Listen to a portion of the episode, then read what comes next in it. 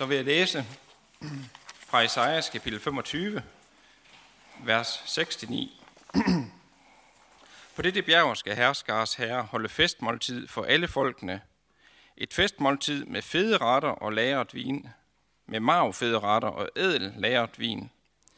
Så opsluges på dette bjerg sløret, det slør, der ligger over alle folkene. Det dække, der er bredt over alle folkeslag, døden opsluges for evigt. Gud Herren tør tårne af hvert ansigt. Han fjerner sporten mod sit folk fra hele jorden, for Herren har talt. På den dag skal man sige, han er vor Gud. Vi satte vort håb til ham, og han frelste os. Han er Herren, ham håbede vi på. Lad os juble og glæde os over hans frelse.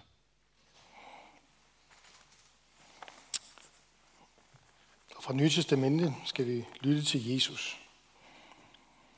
Øh, lignelsen om det store festmåltid. Der var, der var en mand, som ville holde et stort festmåltid og indbød mange. Da festen skulle begynde, sendte han sin tjener ud for at sige til de indbudte, kom, nu er alt rede. Men de gav sig alle som en til at undskylde sig. Den første sagde til ham, jeg har købt en mark, og bliver nødt til at gå ud og se til den. Jeg beder dig have mig undskyldt. En anden sagde, jeg har købt fem par okser og skal ud og prøve dem. Jeg beder dig have mig undskyldt. Og en tredje sagde, jeg har lige giftet mig, og derfor kan jeg ikke komme. Tjeneren kom tilbage og fortalte sin herre dette. Da blev husets herre vred og sagde til tjeneren, gå straks ud på byens gader og stræder og hent de fattige, vandfører, blinde og larme herind. Og tjeneren meldte, herre, det er sket, som du befalede, men der er stadig plads. Så sagde Herren til tjeneren, gå ud på vejene og langs gærene, og nød dem til at komme, så mit hus kan blive fyldt. For jeg siger jer, ingen af de mænd, som var indbudt, skal smage mit måltid. Jesus, vi beder om, at du åbner vores hjerter nu for dit ord. Det ord, som du taler til os her i dag. Vi beder om, at, eller vi takker dig, fordi at du igennem det nu, igennem det ord nu, indbyder os til fest, og vi beder om, at vi ikke må afvise dig og komme med dårlige undskyldninger. Amen. Man ved, man er i landbrugsland, når folk har en undskyldning, der hedder, jeg har lige købt fem okser, og jeg skal ud og prøve dem. Det er altså virkelig specielt, ikke også? Altså, jeg skal lige ud og prøve mine okser af. Det er nok, øh, det er nok sådan mere, øh, jeg lige købt en ny bil, og jeg skulle prøve med nye hestekræfter, eller sådan noget. Det, det, det kan vi bedre forholde os til, måske. Nå, men prøv at høre. Jeg vil sige lidt, øh, jeg vil sige lidt om vendepunkter. Fordi i ugens løb her, der har jeg været til et møde med en række andre præster, og der var en af kollegerne der, der gjorde opmærksom på, at lige nu, der står vi ved et stort vendepunkt.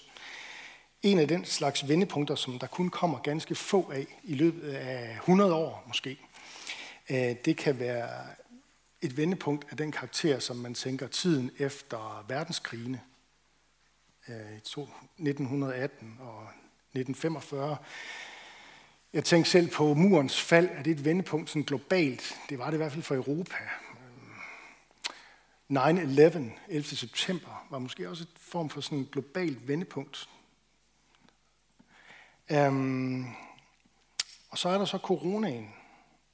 Og jeg skal ikke diskutere, om det er et, en, en menneskelig fejl, et udslip fra et laboratorium i Wuhan, eller om det var en flagermus. Det har vi ikke helt fundet ud af endnu. Men der skete et eller andet på et tidspunkt for et par år siden, som gjorde, at vi er her i dag nu. Hele verden er blevet ramt af et eller andet. Et voldsomt negativt vendepunkt. Og nu står vi så her, efter det sidste pressemøde, og har en fornemmelse af, hmm, nu kommer der et nyt vendepunkt. Nu, kommer der, nu går vi ind i tiden efter coronaen. Øh, vi er ved at skulle genstarte øh, også kirkelivet, kan man sige, som jo har været sådan rimelig udfordret af, at vi i perioder slet ikke måtte fejre gudstjeneste. Vi måtte ikke gå til nadver og så videre og så videre. Helt uhørt i kirkens historie. Ikke? Så vi skal se ligesom at, at, at, at finde ind i normale forhold igen. Og det er selvfølgelig også der helt naturligt, at vi er spændt på, hvordan kommer det til at gå med, med os som menighed i tiden, der kommer. Og øh, det, som jeg blev mindet om, da han sagde det i tirsdags, det var, at Gud er også med ved det her vendepunkt. Ligesom han har været det ved de andre, der har været igennem århundrederne. Gud har sagt, at han er med sin kirke alle dage. Jesus har sagt, jeg er med alle dage. Det betyder jo alle slags dage. Gennem alle slags dage og alle tider, gennem alle kriser. Vi, der tror på Gud, vi står ikke alene. Vi skal ikke selv famle os igennem mørket. Jesus, han går med os. Han er den samme i går og i dag og til evig tid. Vi kender til øh, forskellige vendepunkter i menneskers liv. Vi kender alle sammen til tidspunkter i vores liv, tror jeg, hvor lige pludselig så tog det hele en uventet drejning. Nogle gange kan man selv fremprovokere det. Man kan vælge at flytte. Man kan vælge at tage et, øh, et nyt arbejde. Livet, der tager en, øh, en ny og en anden retning. Og øh, måske kender du til det her med øh, nervøsiteten over, at nu har jeg en fornemmelse af, at jeg står ved et vendepunkt. Øhm, det kan være tider eller øjeblikke, hvor du bliver sat til side i en eller anden situation, hvor der er en anden øh, mulighed for eftertanke. På den måde tror jeg måske også, at coronatiden kan have været et vendepunkt for nogen af os, hvor vi har haft tid til at reflektere og gøre status. Sådan en rigtig, rigtig lang øh, nytårsaften, der har varet et år. Ikke? Øhm, det kan være frivilligt, det kan være på en ferie, men det kan også være tvunget, øh, som for eksempel i forbindelse med sygdom. Øhm, eksempelvis i aftes, der var der altså en del af os, der elsker fodbold. Ikke også? Der havde forventet, at nu, øh, nu, nu, nu starter juni måned, som jeg kan huske det. Ikke også? Altså, nu, kommer, nu kommer den her øh, folkefest. Nu kommer, nu kommer den der forløsning, den der glæde over øh, det smukke spil og alt det der. Ikke også? Øh, vi troede, at, øh, at, at, vi, at nu skulle vi kaste coronaen af os og bare nyde fodbolden. Ikke også? Kamp på kamp og alt det der. Det var sat i kalenderen og alt sådan noget. Endelig blev det den 12. juni. Kampen gik i gang, stemningen var høj. Og så falder Christian Eriksen om med et hjertestop, og man ser det live. Det er uhørt. Det er ret vildt. På et splitsekund, så bliver fodbolden fuldstændig ligegyldig. Nu handler det ikke længere om spillet. Det handler ikke længere om at blive underholdt. Det handler om, at der er en, som man har sat sit håb til, eller sådan, øh, der ligger og kæmper for sit liv. Og man når ret hurtigt at tænke over det der med, jamen, han har jo familie. Han har venner og kolleger, der holder af ham. Og så så man den der mur af, af spillere, som jeg så en, en overskrift, det, den, det var den vigtigste forsvarsmur i landsholdets historie. Det var fint sagt, ikke? De stod der foran ham og dækkede, så vi andre ikke kunne, kunne sidde og snage i, hvor meget hjertemassage han nu fik og alt det der. Ikke? Men det handlede lige pludselig om at overleve. Pludselig kæmpede lægerne for uh, hans liv. Og når man ser tilbage på det her på et tidspunkt, så vil man også tænke, at det der det var sådan en form for vendepunkt i dansk uh, fodbold. Uh, det var sådan noget, der var med til at sætte tingene i perspektiv. Lige pludselig så var det der med underholdningen ikke så vigtigt, og kampen var ikke så vigtigt. Eller det vil sige, det blev en anden kamp om at blive hos sin familie, hos sine venner osv. Der var lagt op til en fodboldfest, men det endte i dyb, dyb alvor. Jesus fortæller os så i dag en lignelse om en fest, et hjertevarmt fællesskab med Gud som vært. Og der er også en dyb, dyb alvor. Fordi dem, der oprindeligt var de inviterede, der er jo forskellige grupper her på en måde, men dem, der oprindeligt var de inviterede, de fleste af dem, de havde de her undskyldninger. Jeg har lige fem okser, jeg skal ud og prøve. Eller, jeg er lige blevet gift. Som om det er en... Ja, nå.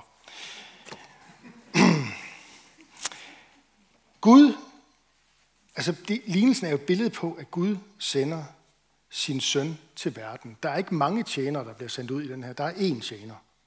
Herrens lidende tjener. Det er jo et billede på Gud, der sender sin søn til verden. Og som Johannes øh, evangeliet skriver, så står der, at mange af hans egne tog ikke imod ham. Men alle dem, der tog imod ham, gav han ret til at blive Guds børn. Det er i virkeligheden også det, den her lignelse taler om, sådan på meget, meget kort formel.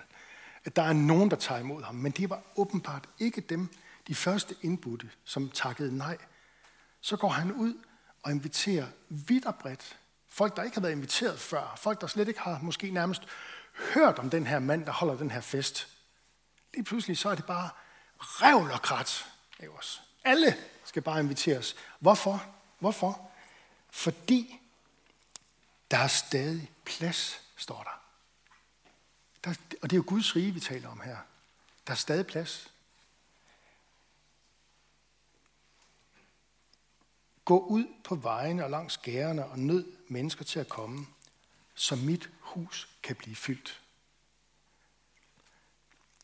Man kan sige det på den måde. Mission, det er at invitere mennesker med til festen i Guds hus.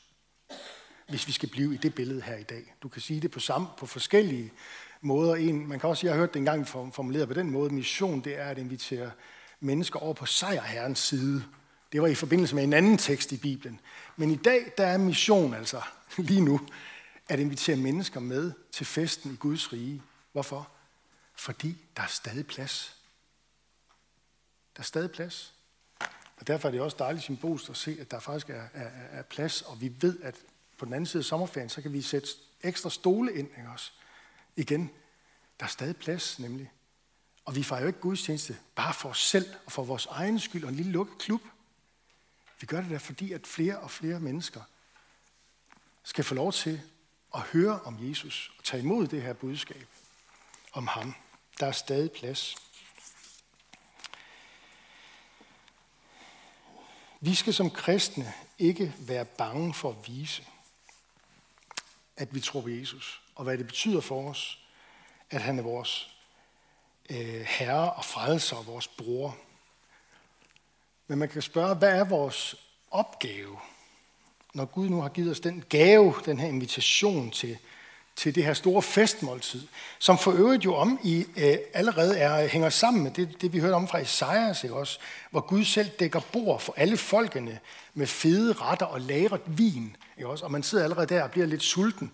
Og så bliver, det, så, så, så bliver, det, så bliver Isaias ved i det her sprogbrug, hvor han taler om, at det ikke bare folkeslagene, der, der tager imod den her invitation, der skal, der skal mætte sig i fede retter og, og æde lagret vin. Nej, hvorfor?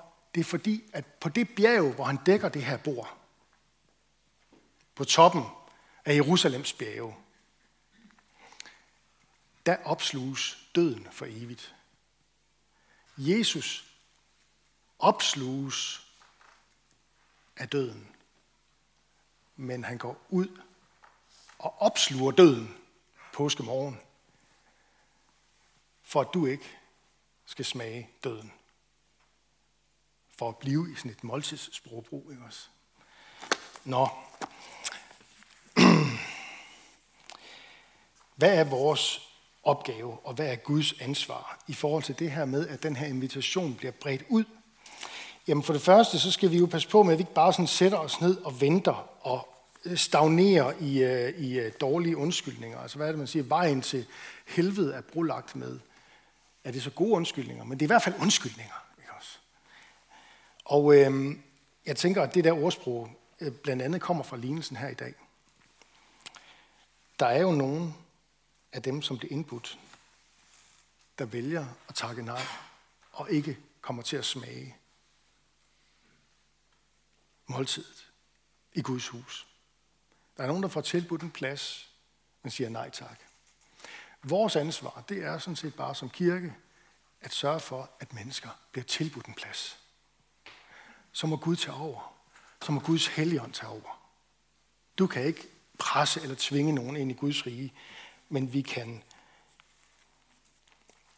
leve af de gode nyheder. Vi kan selv være taknemmelige over, at vi har fået lov til at høre budskabet om Jesus. At vi har fået lov til at møde ham som Guds tjener, der kommer og giver sit liv. Og igennem det, med sit eget blod, underskriver den invitation, han så går ud og deler ud af til alle. Vi skal stole på åndens kraft, og så ellers gå ud og dele glæden over invitationen med andre mennesker. Så mission, det er altså at invitere andre mennesker med til den fest, som du måske ganske overraskende er blevet inviteret med til. Og det er Gud, der kan skabe øhm, det vendepunkt i dit liv. Og her er vi tilbage igen ved det her med vendepunkter. Pludselig bliver den her invitation jo også et meget, meget vigtigt vendepunkt i dit liv. Gud har skabt vendepunktet en gang for alle i påsken i Jerusalem dengang, på toppen af Jerusalems bjerge. Det budskab, det kommer nu og møder dig. Og hvad siger du så til det? Guds ånd ønsker at hjælpe dig til at tage imod den invitation, så du ikke fortabes, men lever sammen med ham i Guds menighed. Vores ansvar som kirke, det er, at vi formidler den her invitation på bedste vis. At vi ikke kommer til at stå i vejen for den. At vi ikke kommer til at fordreje den. Øh, det kan være sådan, at vi kommer, vi siger det måske ikke direkte, men, men, men, men vi kan jo godt komme til alligevel at sende det signal. Der er fest hos Gud, men for at ligesom at komme med, der skal du i hvert fald mene det samme som flertallet. Eller som min præst mener om det og det.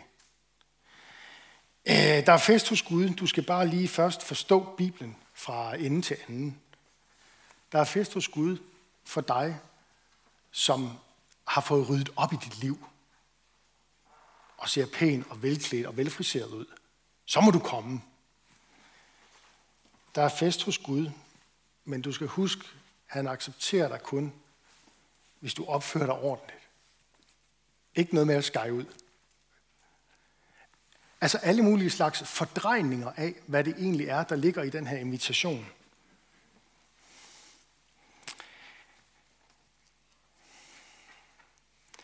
Der skal du vide, at når du går igennem livet og møder et andet menneske, uanset hvor besværligt eller anderledes eller uværdigt det menneske ser ud i dine øjne, så skal du vide, at Jesus, han smagte døden for at det menneske, ligesom dig, skal få indbydelsen til at smage det evige liv hos Gud. Du skal vide, at Jesus lever, og han ønsker at feste med det menneske, selvom det menneske er så anderledes, end du er.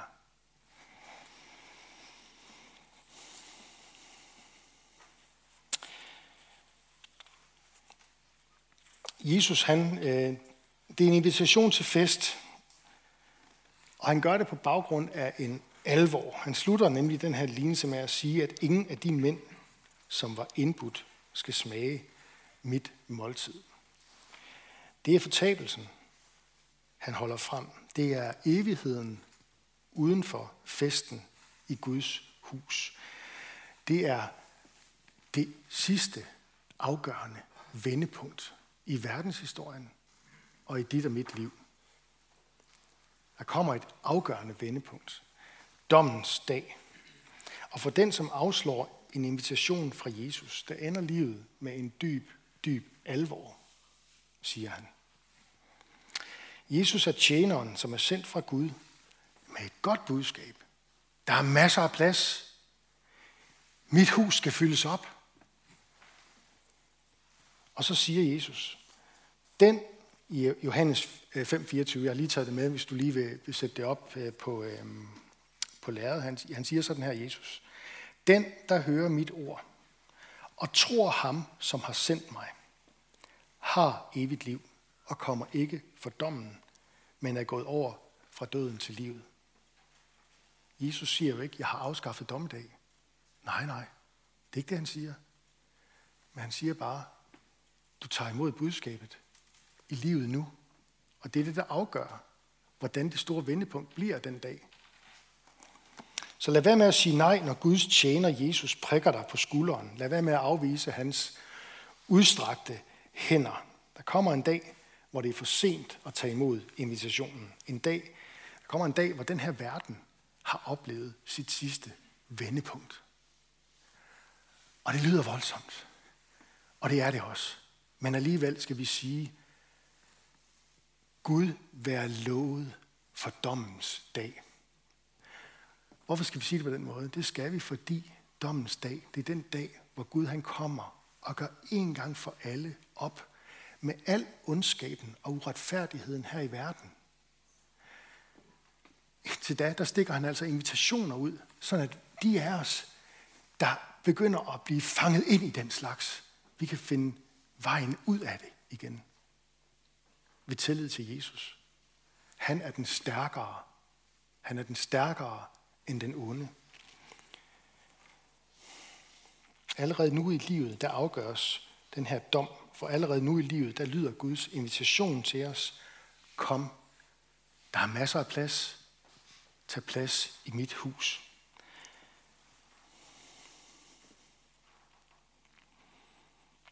En skønne dag er der fest, uden ende i Guds hus. Men det er muligt at sidde der i mørket udenfor.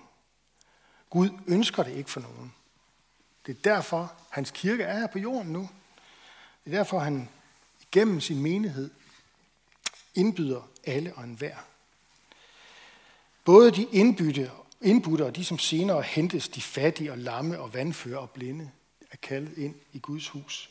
Der er stadig plads. Gå ud og nød folk til at komme til festen.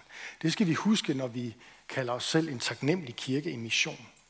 Det handler om, at der er stadig plads i Guds hus. Gud ønsker at fylde sit hus med mennesker. Vi har brug for at være mennesker. I det her vendepunkt, vi er i nu også, hvor vi starter op igen efter coronaen, der har vi brug for at minde hinanden om, at være mennesker, som er glade for vores kristne tro. Glade for, at Jesus har prikket os på skulderen og stukket os en invitation. Og som hjælper hinanden i livet, med at dele livet med hinanden og troen med hinanden. Og hvor vi skaber en kirkekultur, hvor vores liv som menighed er præget af gæstfrihed og åben over for, åbenhed over for andre. Det kan man faktisk godt, også selvom at man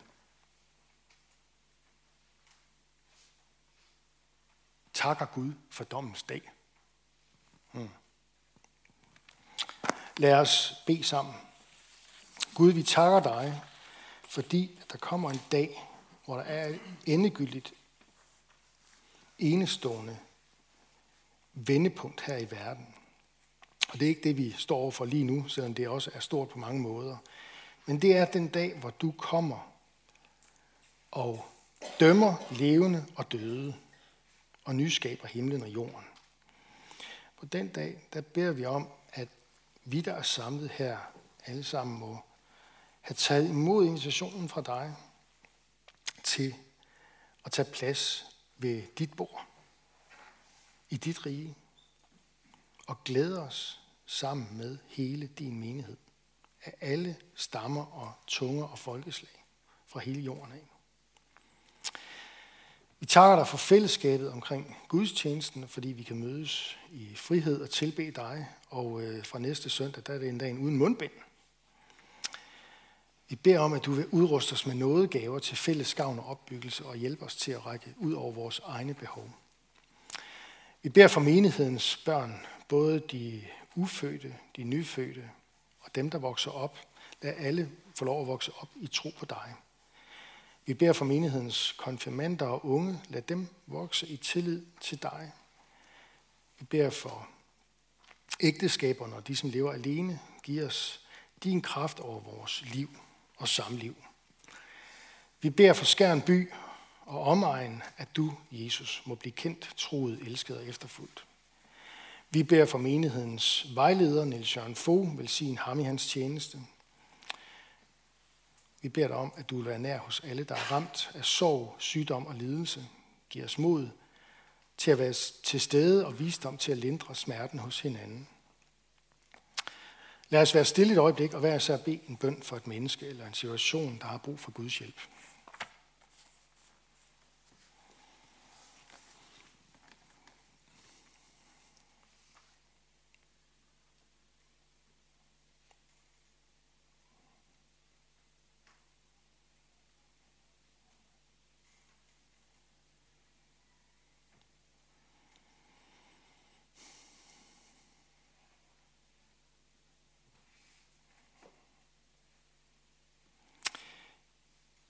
Jesus, i går aftes var der mange sportsinteresserede, der sad og tabte kæben, og mange sendte bønder og tanker afsted, og det vil vi også bare gøre herfra, og bede om, at du vil øh, give healing til den gode mand, vores midtbanespiller, Christian Eriksen.